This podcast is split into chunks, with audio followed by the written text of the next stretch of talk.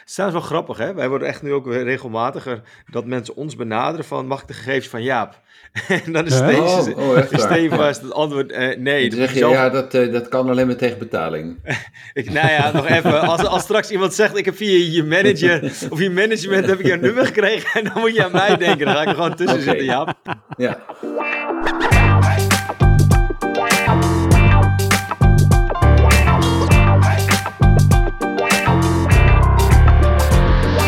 Hey, welkom bij een nieuwe aflevering van een podcast over voeding. In deze podcastserie gaan we in op de wetenschap achter voeding en laten we wetenschappers aan het woord over allerlei thema's die met voeding te maken hebben. Bart Mol van I'm Foodie is er natuurlijk ook weer bij. Hoi Bart. Ja, goedemorgen Arnoud en uh, Jaap. Het is de laatste aflevering hè? Voor, de, uh, voor de zomer. Reguliere aflevering, ja. Ja, ja. inderdaad. Uh, Jaap Seidel is er ook weer bij. Hoi Jaap. Ja, goedemorgen. Want het is, het is weer woensdag. Het is weer een broodje Jaap. Uh, en dat is een rubriek binnen een podcast over voeding, waarbij we een actualiteit doornemen binnen ongeveer een kwartier, soms net iets meer, hangt er vanaf uh, hoe het komt.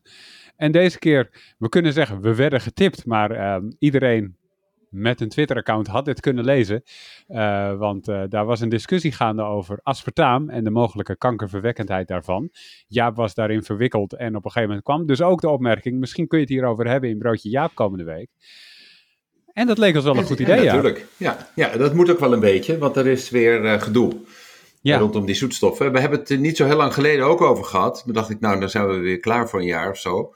uh, dat was omdat de Wereldgezondheidsorganisatie gezegd had dat zoetstoffen niet echt helpen bij gewichtsbeheersing. En dat was het, uh, het rapport. En daar hebben we van gezegd, ja, het helpt, niet, het helpt een beetje, maar het is niet de oplossing. en er zijn zoveel soorten zoetstoffen. Maar nu heeft de, de WHO wederom een rapport uh, laten verschijnen. En dit, in dit geval het Kankerinstituut van de Wereldgezondheidsorganisatie. Dat is het, uh, het International Agency for Research on Cancer, oftewel het IARC in Lyon. Ik ben daar vroeger ook veel geweest toen ik nog bij het RIVM uh, zat. En dat, ja, daar doen ze eigenlijk alleen maar één ding, namelijk kankeronderzoek doen.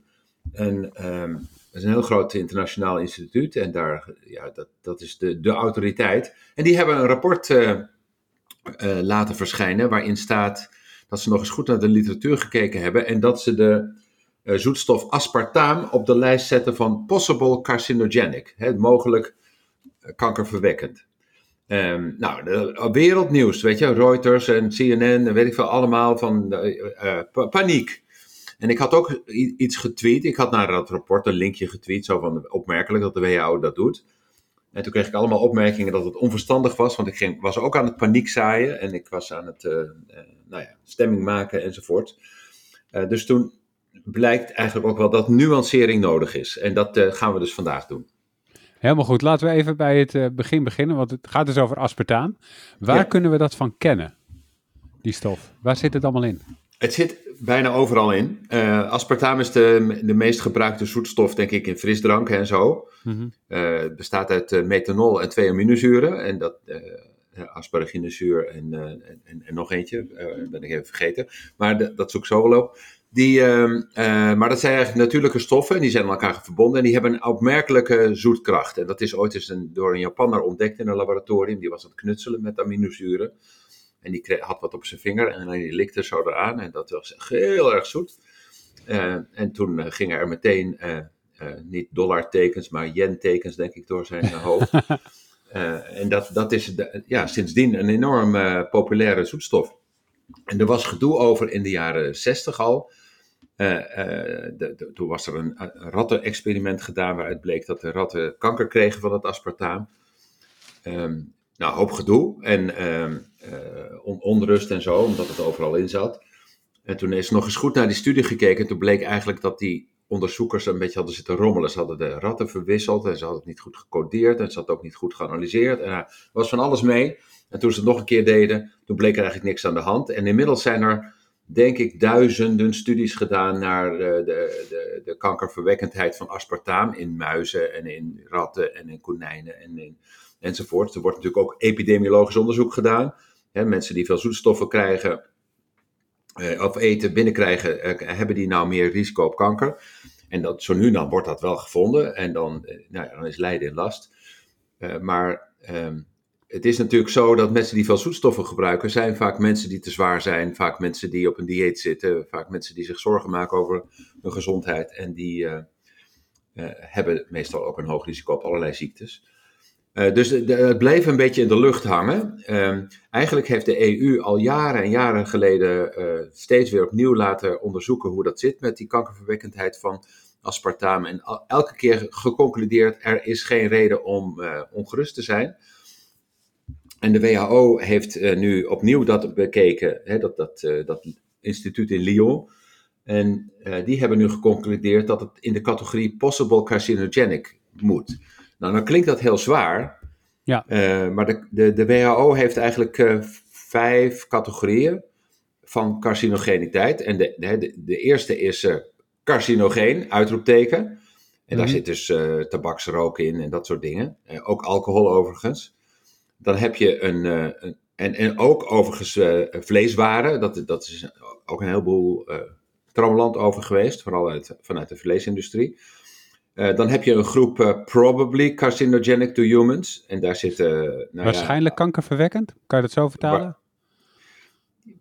ja, waarschijnlijk. Waarschijnlijk kankerverwekkend, ja. En dat, daar zit rood vlees in. maar ook gefrituurd eten en dat soort dingen. Mhm. Nou, dat, daar, is twijfel over, maar het zou kunnen, hè, waar, of waarschijnlijk is het dan. Dan heb je de possible carcinogenic to humans. En daar, dat is een hele grote, grote groep. Daar zit bijna alles in wat je maar kan bedenken. Er zit ook koffie in en uh, ja. augurken en zo. Weet je, allemaal dingen waarvan je denkt, hè? Hoezo possible carcinogenic? Maar ja, het is niet uit te sluiten. Hè? Dus possible wil zeggen, we kunnen niet met zekerheid zeggen dat het geen kankerverwekkend effect heeft. En daar zit dus nu ook aspartaam in. Maar dat is een hele brede categorie, want er is ook nog iets van probably carcinogenic. Dat is dan nou, bijna zeker dat het niet carcinogeen is. Daar zat tot voor kort eigenlijk maar één stof in. En ehm, die is eruit. die is okay. geupgrade naar, naar possible. Dus dat is een lege categorie. Dus de WHO heeft eigenlijk alleen maar, hè, die kan nooit met zekerheid zeggen dat iets niet kankerverwekkend is. En je zit al heel snel in die possible categorie. Dus dat nou. is eigenlijk nu de laagste categorie die er ja, is? Ja, en, en, en, en nogmaals, daar zitten allemaal voedingsmiddelen en stoffen in waarvan we ons helemaal geen zorgen maken. Zoals uh, inderdaad augurken en, uh, en koffie. Ja. Uh, dus er is helemaal geen reden voor ongerustheid. Maar alleen maar het feit dat de WHO op een bepaald moment zegt deze stof is possible carcinogenic, geeft natuurlijk een heleboel emotionele uh, reactie. Omdat mensen denken, oh ja, maar ik drink de hele dag diet coke en uh, hoe zit dat nou? Uh, ben, waarom, ben ik, waarom leef ik nog, bij wijze van spreken? en, en eigenlijk zegt dat dus niet zoveel. Maar en dan moet ik eigenlijk nog iets uitleggen als dat ja, kan. Tuurlijk. namelijk, in die categorie staat niet hoe groot dat risico is. Hè? Dus uh, bijvoorbeeld zit in die categorie zeker carcinogeen, hè, dus dat is convincing, uh, overtuigend bewezen. Zit er dus uh, zit sigarettenrook, maar er zit ook bewerkt vlees in. Dus denk aan worstjes en salami en dat soort dingen. Um, en dat, die categorieën zijn eigenlijk samengesteld over hoe zeker weten we dat dat oorzakelijk een, een verband houdt met elkaar. Maar dus niet hoe kankerverwekkend veel... het is dus niet hoe kankerverwekkend het is. Nee, maar hoe zeker we weten dat er een oorzakelijk verband is. Oké. En um, in die categorie kan je natuurlijk stoffen hebben die wel waarschijnlijk oorzakelijk een verband houden met kanker, maar die nauwelijks een effect hebben op het risico. En dat geldt eigenlijk voor uh, uh, dat bewerkt vlees. En dat verhoogt geloof ik je risico op dikke darmkanker van 12 naar 14 procent of zo. Dat klinkt wel heel veel en dat is, uh, het is ook vrij zeker dat dat door dat bewerkte vlees komt. Maar het is maar een heel klein verhoging van je risico. Hè. Veel mensen zullen zeggen 12, 13 procent. Ja, wat maakt het nou uit? Um, maar bij roken is het natuurlijk veel hoger. Hè. Dat is geloof ik 60, 60 keer zo hoog uh, ja. als mensen die niet roken. Uh, dus ook dat wordt vaak ja, verward. Hè. Dus uh, op een bepaald moment werd er dan geschreven ook... bewerkt vlees is dus even kankerverwekkend als roken en asbest. Uh, nou, dat is, dat is natuurlijk niet het geval. Het zit gewoon in dezelfde categorie, omdat de oorzakelijkheid even waarschijnlijk is.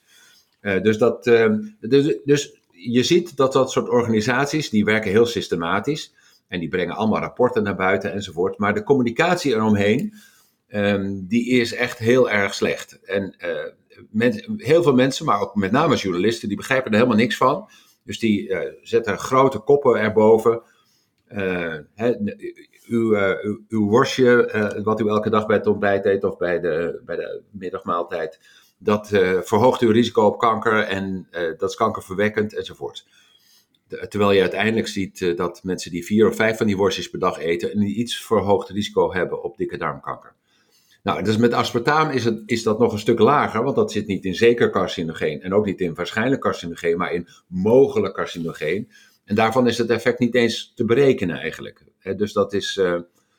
Um, dus wat betreft kanker hoef je geen zorgen te maken over aspartaam. Mhm. Eh, dat, dat weten we vrij zeker. Daar voegt deze studie eigenlijk niks aan toe. Uh, maar de hoeveelheid uh, onrust die dit soort berichten veroorzaken en misverstanden en dat soort zaken, die maken dus dat we daar een broodje jaap over moeten hebben. Maar is dat niet, dat is, dan is die hele indeling in categorieën is toch gewoon vrij dom? Want het is bedoeld om te communiceren hoe hoe, groot, hoe zeker we weten of iets kankerverwekkend is. Mensen vatten dat massaal verkeerd op. En dan kun je zeggen, ja, dat is de schuld van mensen. En die maken zich dan druk over en zo. Of het is de schuld van de media, want die zetten de koppen boven. Maar het is ook de schuld van de WHO die dit weet. Dit, ja, dit beseft en niet, niet iets eraan doet. Nou, en het is over het algemeen, hè, er zitten natuurlijk heel degelijke onderzoekers. Dat zijn meestal toxicologen en oncologen en zo, die uh, wel heel goed kijken. Dat geldt een beetje voor bijna al die stoffen waar iets mee is als het om voedselveiligheid gaat. Hè? Dus spoortjes dioxines die uh, uh, in de rook van een fabriek zitten, die komen misschien in de melk van de koeien. En die koeien, die, dat, dat drinken wij dan weer op. Ehm, en daar maken we ons dan zorgen over, want een toxicoloog zal zien dat als je die stoffen in, aan muizen geeft in hoge doses, dat ze daar hele vreemde bultjes van krijgen. En dat, ja, dat, dat, dat schrijven ze dan op. Uh, en het is vrij zeker dat dat het door die stof komt. En, dat betekent dat, dat toxicologen over het algemeen heel erg behoudend zijn, of ja, nou ja, niet, niet voorzichtig, voorzichtig zijn met het veilig verklaren van stoffen. Um, dat, dus dat, dat, heb je ook in de discussie over PFAS en zo. Ja, hoe erg dat allemaal is. Dat, we, dat er een tevellaagje in je pan zit en dat je daar uh, je champignons in bakt en krijg je daar nou kanker van. Nou, dat is natuurlijk ook bijna niet aantoonbaar, maar ja, dat, het, dat er kankerverwekkende stoffen mogelijk, dus die PFAS-achtige stoffen, in tevalpannen zitten. En, en dat, dat geldt natuurlijk voor de duizenden, zo niet tienduizenden, misschien wel honderdduizenden stoffen die allemaal chemisch aan, in, in ons milieu zitten. Die zijn bijna allemaal schadelijk als je ze in een laboratorium onderzoekt bij muizen. Uh, zeker als je er heel veel van geeft. En uh, ja, dan wordt er een veiligheidsmarge opge, opgericht. Dat is hun werk. Hè? Dus uh, daarover communiceren, dat is wel een ander, uh, ander vak. Uh, en ik weet ook dat het RIVM had daar ook een aparte afdeling over. Hè. Dat ging ook. Kan je nog herinneren dat die kunstgrasveldjes van voetballers, dat ja. dat een, ook kankerverwekkend was? En iedereen in rep en roer, hè, die, die veldjes kosten bijna een miljoen om aan te leggen, die moesten er allemaal uit en er moest weer mhm. gras ingezaaid worden en nou ja, enzovoorts. Uh, en ook dat bleek uiteindelijk allemaal reuze mee te vallen. Hoeveel kinderen daar kanker van krijgen, dat is niet te becijferen. Hè, misschien van de miljoenen uh, kinderen die wereldwijd op dat soort veldjes voetballen, uh, zal er één mogelijk een, een, ziekte hebben gekregen door het spelen op zo'n veldje. Maar dat zijn verwaarloosbare effecten hè, boven de, alle grote problemen die we allemaal hebben met onze gezondheid. dus dat zijn, ja, ja, dat zijn, je kunt het paniekzaaien noemen. Um, ja, die toxicologen zeggen, ja, wij hebben maar één vak en dat is het veilig verklaren van stoffen. En als die stoffen niet veilig zijn uh, in hoge dosis, dan schrijven wij daarover. En hoe mensen dat opvatten en, en hoe de reactie is, ja, daar kunnen wij eigenlijk allemaal niet zoveel aan doen. Dus dat, dat, dat is wel iets waar ook het, uh, het, het voedingscentrum voor heel erg mee bezig is. Hè. Ik weet nog, een tijdje geleden hadden we de acrylamide boodschap vanuit het voedingscentrum. Die zei, je frietjes moeten niet te bruin zijn. Volgens mij hebben we het ook al eens eerder over gehad. Want als ze te bruin zijn, dan zitten acrylamide in. En acrylamide is kankerverwekkend. Dus iedereen denkt, oh, bruine frietjes, ik krijg, ik krijg kanker. Ja, dat valt natuurlijk allemaal reuze mee. Hè? Dus dat is, um, um, als je ziet hoeveel mensen bestookt worden met allemaal dat soort berichten. En hoeveel stoffen er in ons milieu en in onze voeding zitten. ja, die mogelijk dan wel waarschijnlijk kankerverwekkend zijn in, in hoge doses, die we dan vervolgens ook niet binnenkrijgen. Dat, ehm, ja, dat, dat is echt een groot probleem in de, in de voedingscommunicatie. En is het zo dat nu, um, doordat dit opeens weer top of mind is in de media, dat ook in de wetenschappelijke hoek, dat men, uh, wetenschappers toch weer denken, we gaan toch weer verder onderzoeken naar aspartaam of we toch nog dingen kunnen vinden? Of is het gewoon eigenlijk meer een storm in een glas water uh, vanuit de mediahoek? En dat ja, wetenschap denkt, oké, okay, dit weten we. Wetenschappers zullen denken, daar is geen eer meer aan te behalen. Um, Weet je, ja, we kunnen het nog een keer doen. Uh, weer muizen vol met aspartaam stoppen en kijken of ze bultjes krijgen. En dat is, ja, ja, dat is niet echt heel boeiend werk natuurlijk. Want het is al zo vaak gedaan. En dat die possible carcinogenic, hè, dat, dat, dat is een, werkelijk als je daar op de website van de WHO naar kijkt. Hoeveel duizenden en duizenden stoffen daarin zitten, die allemaal in onze voeding zitten, dat, ja, dan kun je bezig blijven. Hè. Je kunt ook blijven onderzoeken of er toch niet een effect is van koffie op kanker. Maar ja, het blijkt eigenlijk nergens uit dat dat echt een groot probleem is. We, we drinken ontzettend veel koffie elke dag en de hele wereld drinkt koffie. En er is aantoonbaar niet echt een risicoverhogend effect. Maar als je het in, nou ja, nogmaals, als je muizen of, of, of ratten heel veel cafeïne geeft, eh, en zeker als ze ook nog aanleg hebben om een tumor te ontwikkelen, ja, dan, dan gebeurt er wel eens wat. En hoe nu... Nee, dus dit heeft wetenschappelijk eh, heeft dit niet heel veel meerwaarde. Het is eigenlijk uh, meer van, uh, hè, moet, zo, moet zo'n stof worden toegevoegd aan de oeverloze lijst van uh, stoffen waarvan we niet kunnen uitsluiten dat het mogelijk wel kankerverwekkend is. En, en dat geldt voor bijna elke stof. De Paracelsus die zei dat natuurlijk al in de 15e eeuw. Elke stof is giftig. het hangt gewoon af van de dosis dus water is ook, ook giftig als je er te veel van drinkt. Je kunt een watervergiftiging krijgen. En, uh... Even nog even naar uh, een blik op de toekomst, uh, Jaap. Want wij, wij hebben het er nu over, hè? even een minuut of twintig over dit onderwerp. Um, wat had je eigenlijk dan verwacht vanuit het voedingscentrum of RIVM of welke oh, wellicht overheidsinstantie dan ook, de hier die hier advocaat op reageert om het gelijk te ontkrachten? Ja, dat had ik eigenlijk wel verwacht dat, dat er uh, een, een, sterke reactie zou komen, juist uit die communicatiehoek van voeding. Van uh, jongens, dit betekent het, uh, maak je geen zorgen. dat het ook op het journaal komt, bij, bij wijze van spreken. want, want heel veel mensen maken zich natuurlijk toch heel veel zorgen over hun gezondheid. En, en zeker als het om kanker gaat, is dat, dat een heel gevoelig onderwerp. Dus als het genuanceerd moet worden, dan moet je dat ook vooral doen, denk ik. Ja. En dat, ja, ik denk dat dat uh, beter is dan weer een acrylamide-achtige uh, communicatiecampagne opzetten.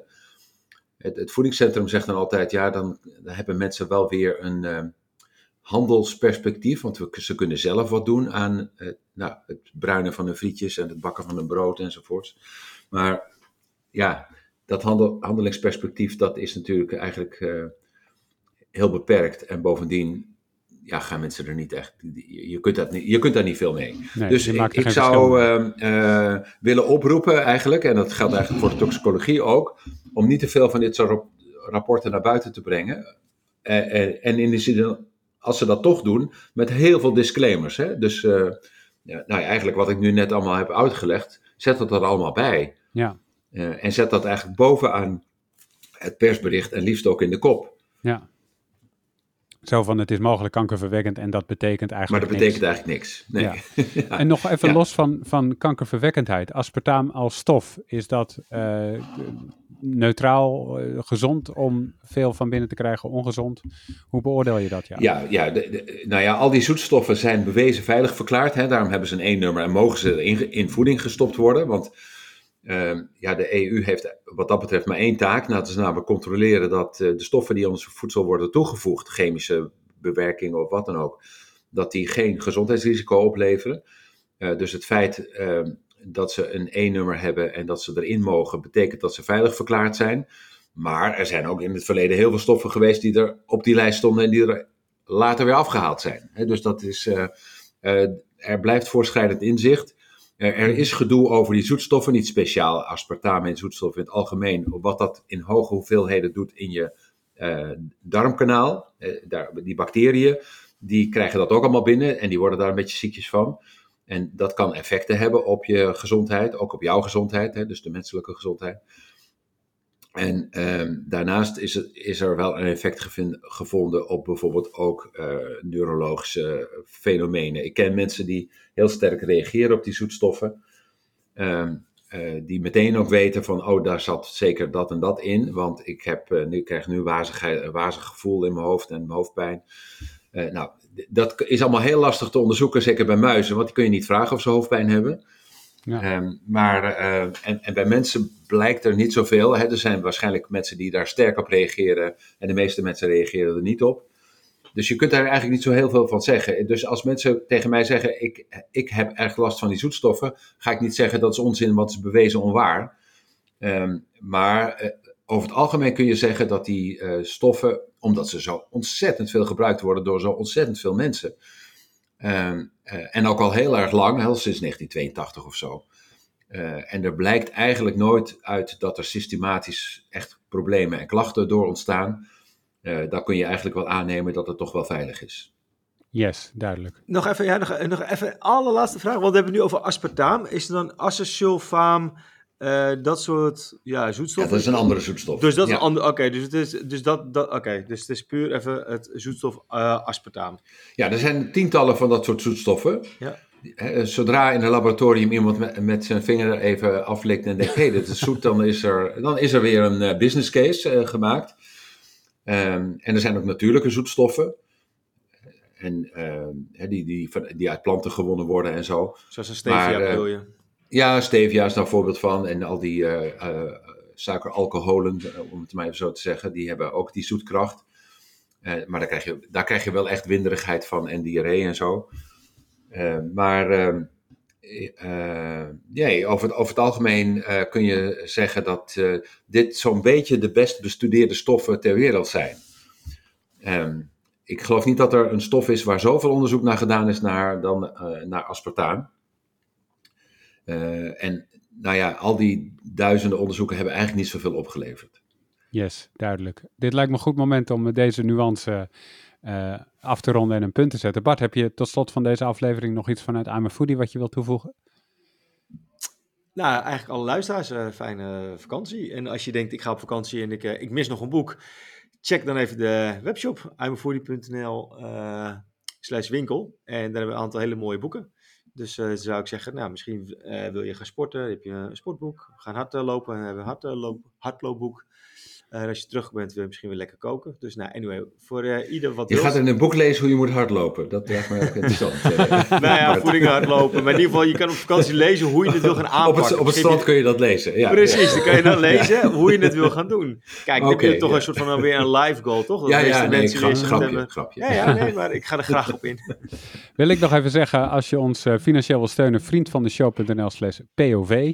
Uh, um, uh, dan kun je ervoor zorgen dat we nog meer van dit soort mooie afleveringen kunnen maken en nuances kunnen zetten bij allerlei dingen die gebeuren in de voedingswereld.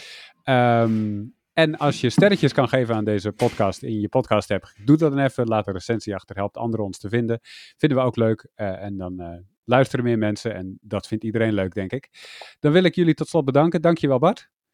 Yes, jij bedankt Arnoud. Ja. Dankjewel Jaap. Ja, fijne zomer allemaal. Yes, want dit was de laatste broodje Jaap van, uh, van dit seizoen. In september zijn we weer terug. Fijne vakantie allemaal. Dankjewel voor het luisteren en tot de volgende keer. Yep, later. Hoi.